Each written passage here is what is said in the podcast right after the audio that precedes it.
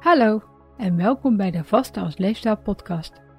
Mijn naam is Amanda Kortman, ik ben gewichtsconsulent en omdat er zoveel slechte informatie over vasten verspreid wordt, hoop ik het met deze podcast zo te verduidelijken dat voor iedereen kan werken.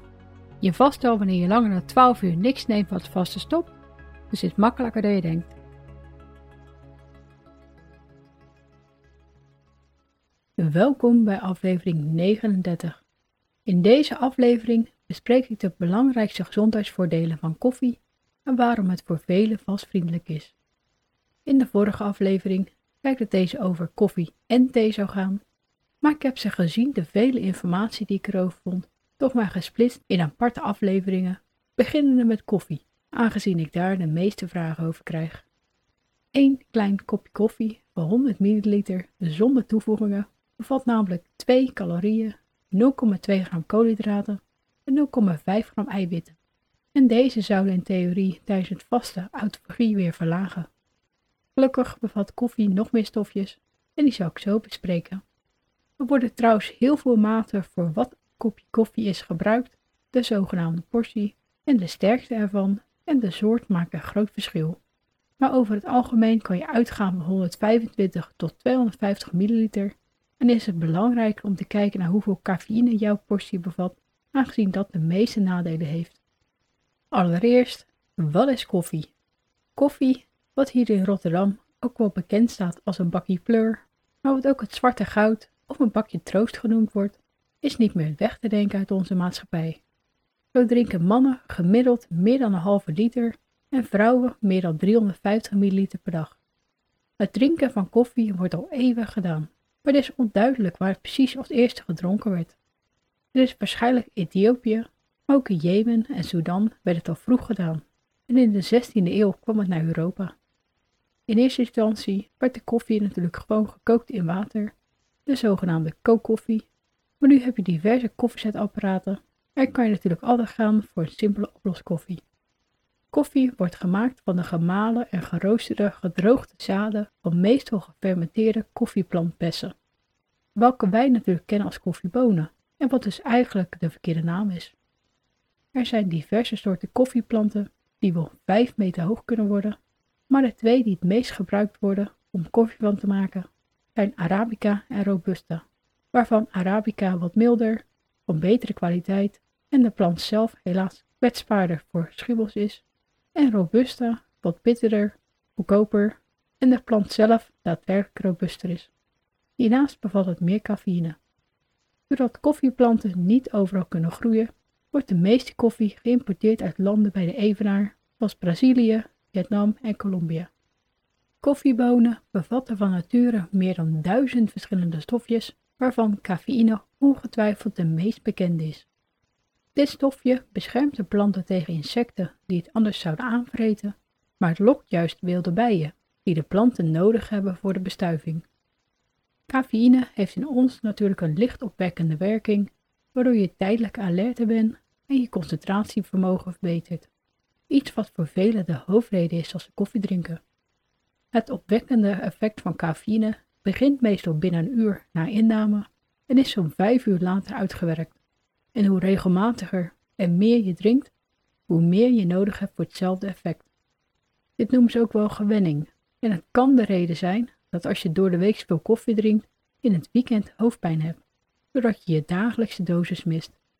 Eén kop koffie bevat gemiddeld 100 mg cafeïne, maar dit kan bijna de helft minder zijn, zoals bij een klein kopje filterkoffie, maar ook meer dan een dubbele, zoals bij een grote espresso. Voor iedereen die er slecht tegen kan, of het liever niet binnen wil krijgen, bestaat er ook cafeïnvrije, oftewel decaf koffie. Hierbij kan de cafeïne verwijderd zijn door middel van industriële processen met water, organische oplosmiddelen en of stoom. Hiernaast bestaan er een paar cafeïnevrije koffieplanten, maar die vind je nog niet terug in de supermarkt. Cafeïne is een interessant stofje, maar wordt soms onder andere in verband gebracht met een bloeddrukverhoging. Gelukkig is dit effect meestal slechts tijdelijk en niet zoveel dat je er zorgen om hoeft te maken, tenzij je heel veel koffie drinkt en al een hoge bloeddruk hebt. Koffie met cafeïne en voor de zekerheid ook decaf wordt wel grotendeels afgeraden bij zwangeren en tijdens de borstvoedingsperiode. Het binnenkrijgen van meer dan 200 mg cafeïne, dit is ongeveer 2 kopjes koffie, is namelijk in verband gebracht met een grotere kans op een miskraam en een groeiachterstand bij de baby. Hiernaast kan het stimulerende effect zelfs via de borstvoeding ervoor zorgen dat de baby slechter slaapt en een snellere hartslag heeft.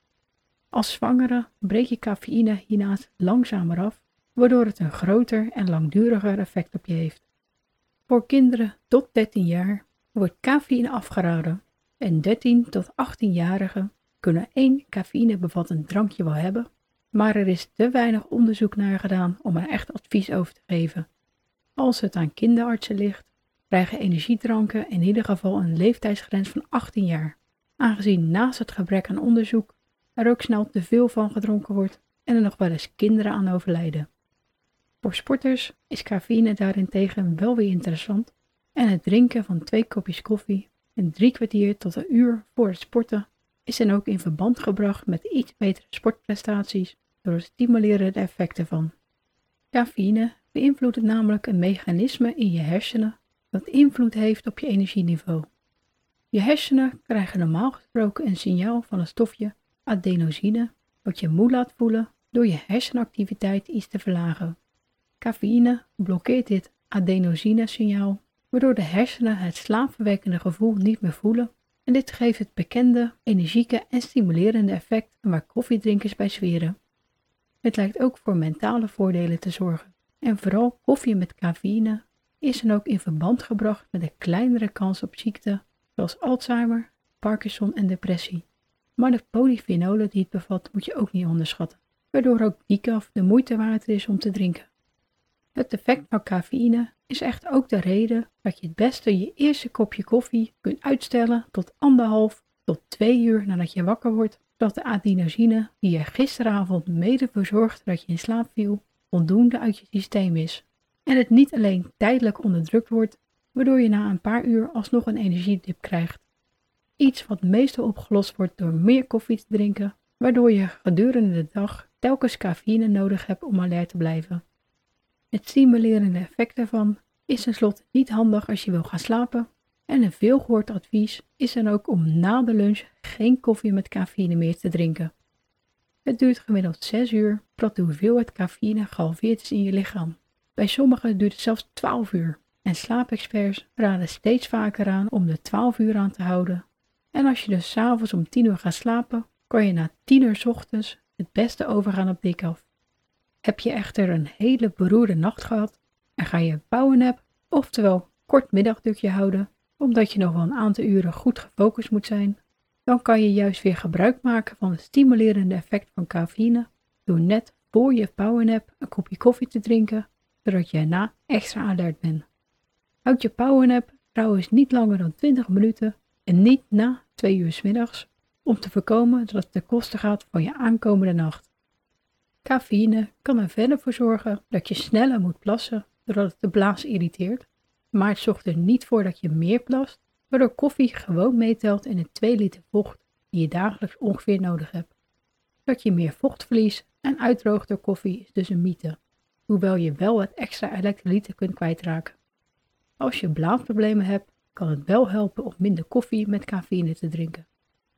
Naast cafeïne bevat koffie ook de antioxidanten cafestol en KWO, welke beide in verband gebracht zijn met een lagere kans op diverse kankersoorten, maar waarvan vooral cafestol in verband is gebracht met een lichte LDL-cholesterolverhoging.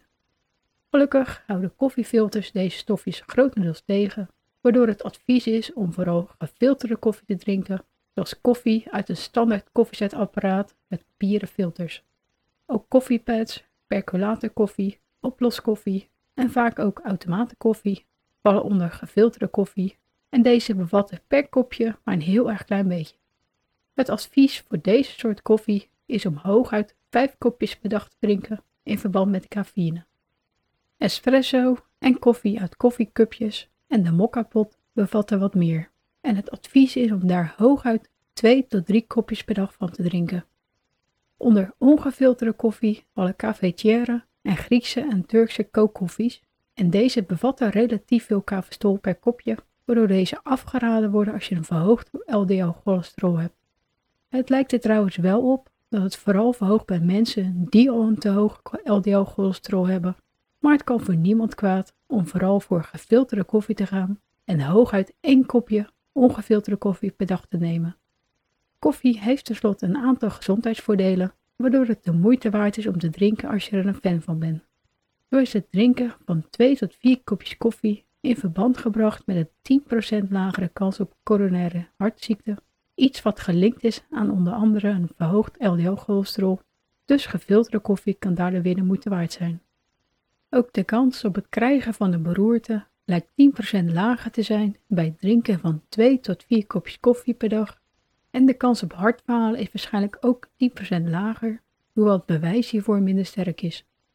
Het drinken van 5 kopjes koffie is verder in verband gebracht met een 30% lagere kans op diabetes type 2, hoewel over het algemeen dus wordt geadviseerd om hooguit 4 kopjes koffie per dag te drinken, aangezien de gezondheidsvoordelen daarna niet echt meer omhoog gaan en ze na de 6 een langzaam maar zeker steeds minder worden. 4 kopjes koffie bevatten ongeveer 400 mg cafeïne, wat als maximale dagelijkse dosis aangeraden wordt, dus houd hier rekening mee als je cafeïne ook uit andere voedingsmiddelen binnenkrijgt. Het zit tenslotte ook in thee, chocola, frisdranken zoals cola en energiedrankjes. Decaf heeft gelukkig ook al veel vergelijkbare voordelen, dus bijna helemaal stoppen met cafeïne en het net als mij alleen drinken als je de extra energie nodig hebt, kan een goede stap zijn. Er wordt trouwens vaak gezegd dat je afvalt van koffie en dan vooral door de cafeïne die erin zit. Het zorgt er inderdaad voor dat je stofwisseling een paar procent omhoog gaat, maar ik zou op lange termijn toch vooral focussen op de vele andere factoren die je gewicht bepalen. Denk maar aan hoe en wat je eet, hoe actief je bent, je stressniveau, of je genoeg slaapt, indien mogelijk je medicatie enzovoort. Lees mijn blog Oorzaken van overgewicht eens door voor meer informatie hierover. Koffie prikkelt de darmen. Dit komt vooral doordat cafeïne de hormonen gastrine en cholecystokinine activeert die op hun beurt weer je darmen aan het werk zetten en je daardoor soms al binnen een paar minuten naar het toilet moet. Koffie activeert ook een peptide genaamd exorfine en dat is waarschijnlijk de reden dat decaf je darmen ook iets stimuleert. Hiernaast kan de warmte van koffie soms al genoeg zijn waardoor ook heet water of thee je sneller naar de wc kunnen laten gaan. Niet iedereen heeft er trouwens last van en het komt vooral voor bij mensen met prikkelbaar darmsyndroom. En ik maak er dan ook nog wel eens strategisch gebruik van als ik ochtends weg moet. En over je darmen gesproken. Koffie is ook goed voor je darmbacteriën, aangezien die gek zijn op de polyfenolen en andere antioxidanten die erin zitten. Voldoende groente en fruit eten is natuurlijk nog beter, maar bij elkaar opgeteld zit je helemaal goed aangezien ze allemaal andere bevatten.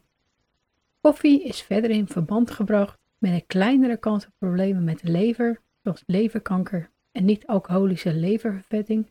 En ook voor vasters is koffie heel interessant, aangezien het ervoor zorgt dat de glycogeen, oftewel suikervoorraad, in je lever sneller in je bloed terechtkomt en je dus iets eerder in ketose, oftewel een diepere vaststand gaat.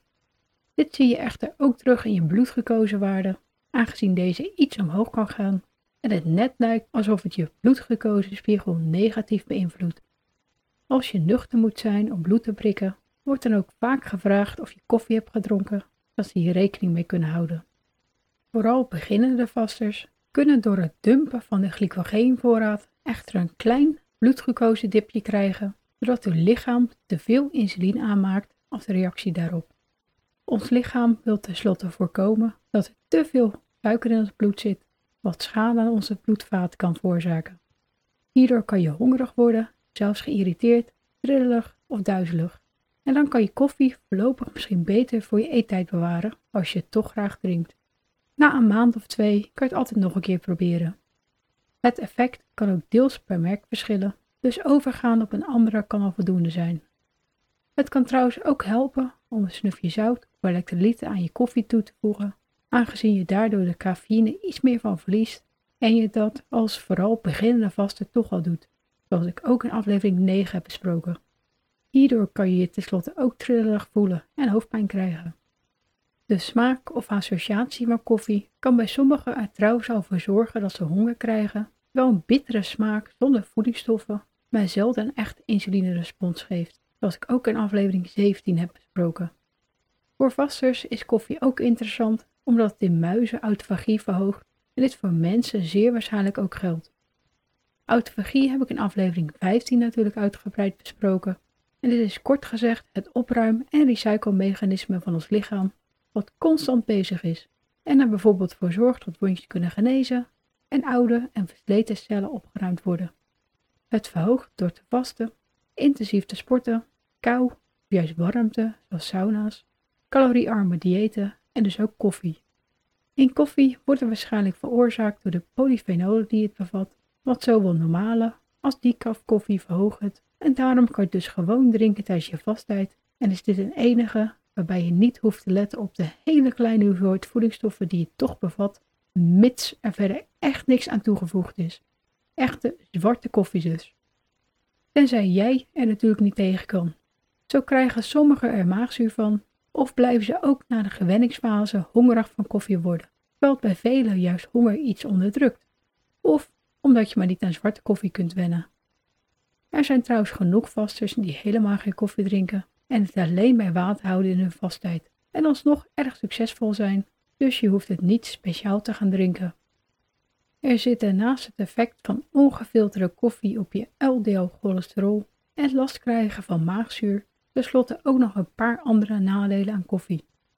Dit zijn vooral nadelen voor de mensen die in de koffieplantages werken, aangezien ze makkelijk uitgebouwd worden en je daarom het beste fairtrade koffie kan kiezen. Hiernaast is het maken van koffie best belastend voor het milieu. Dus het dagelijks drinken van één kopje koffie op jaarbasis vergelijkbaar met 640 kilometer autorijden. Als je last hebt van je galblaas, kan het helpen om minder koffie te drinken en tijdens de zwangerschap en borstvoedingsperiode wordt sowieso aangeraden om maximaal twee kopjes koffie per dag te drinken, zoals ik eerder al zei. Koffie is bij vrouwen hiernaast in verband gebracht met een iets grotere kans op botbreuken als ze veel koffie drinken met cafeïne, doordat cafeïne de opname van calcium vermindert. Hierdoor kan je koffie sowieso beter niet bij een maaltijd drinken. Hiernaast binden eiwitten de polyfenolen die in koffie zitten, dus je koffie zwart drinken heeft altijd de voorkeur en niet alleen wanneer je vast. Cafeïne is verder bij overmatig gebruik natuurlijk gelinkt aan het hebben van een onrustig gevoel en een tijdelijke energieboost die gevolgd wordt door een energiedip als je het op de verkeerde momenten drinkt. Ook is het gelinkt aan maagzweren, een slokdarmontsteking en reflux.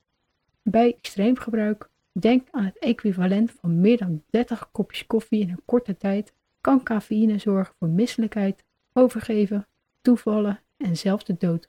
Maar dit komt eigenlijk alleen voor bij mensen die extreem veel cafeïnepillen, poeders en of drankjes nemen. Maar ook bij normale hoeveelheden kan cafeïne al voor bijvoorbeeld slapeloosheid, hartkloppingen en zelfs angstgevoelig zorgen. Maar de ene is er gevoeliger voor dan de ander en het is deels genetisch bepaald, maar het heeft ook met gewenning te maken. Zoals je waarschijnlijk wel weet is cafeïne licht verslavend, waardoor je afkikverschijnselen kan krijgen als je niet op je standaardtijden je koffie drinkt. Dit komt bij velen vooral voor op de dagen dat ze niet op hun werk zijn en daardoor een ander koffiedrinkritme aanhouden. Over het algemeen zijn deze gelukkig niet meer dan een beetje hoofdpijn, concentratieproblemen, vermoeidheid en irritatie en duurt het niet langer dan een dag of vijf bij mensen die abrupt stoppen met cafeïne bevattende koffie. Cafeïne kan trouwens ook juist zorgen voor hoofdpijn, dus als je daar last van hebt, kan het geen kwaad om te minderen.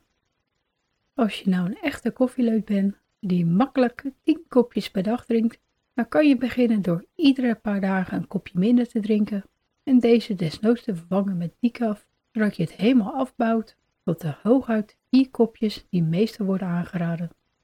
Als laatste wil ik nog even zeggen dat cafeïne bij diverse ontstekingsziektes wordt afgeraden, omdat er wordt gezegd dat het juist voor extra ontstekingsreacties kan zorgen en dat terwijl koffie juist in verband is gebracht met minder ontstekingen.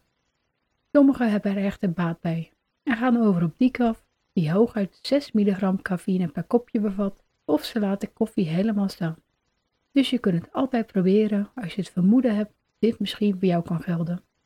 Persoonlijk merk ik geen verschil met mijn endometriose klachten en ik ben er ook vooral decaf gaan drinken, omdat ik anders te veel energie heb tijdens mijn vastheid en ik dit als gehandicapte niet kwijt kan.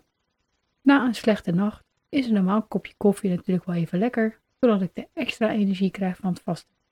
Over het algemeen drink ik ochtends twee kopjes decaf, soms dus een kopje normale koffie. En vooral winters vind ik het tijdens mijn eettijd erg lekker om nog een extra kopje decaf met wat cacao erin te nemen. Al met al heeft koffie dus diverse gezondheidsvoordelen, maar ook een paar nadelen, waardoor je niet wil overdrijven met de hoeveelheid die je drinkt. Houd het bij hooguit 400 mg cafeïne per dag, iets wat meestal zo'n 4 kopjes zijn, en houd rekening met de stimulerende werking van cafeïne. Wacht ochtends dus zo'n anderhalf tot twee uur dat je je eerste kopje neemt en ga bij tijds over op decaf, zodat je slaap niet negatief beïnvloedt. Over decaf is voor zover ik kon vinden geen speciaal advies, maar er is natuurlijk niks mis met afwisselen met water en thee. En waarom je ook dagelijks thee wil drinken, bespreek ik in aflevering 40.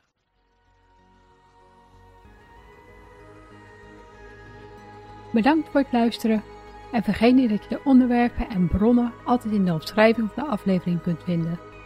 Weet je niet zeker of sommige tips of adviezen ook voor jou geschikt zijn? Bespreek ze dan natuurlijk altijd met je arts. Heb je nog vragen of opmerkingen? Of heb je behoefte aan persoonlijke begeleiding? Kijk dan op valerien.nl voor meer informatie.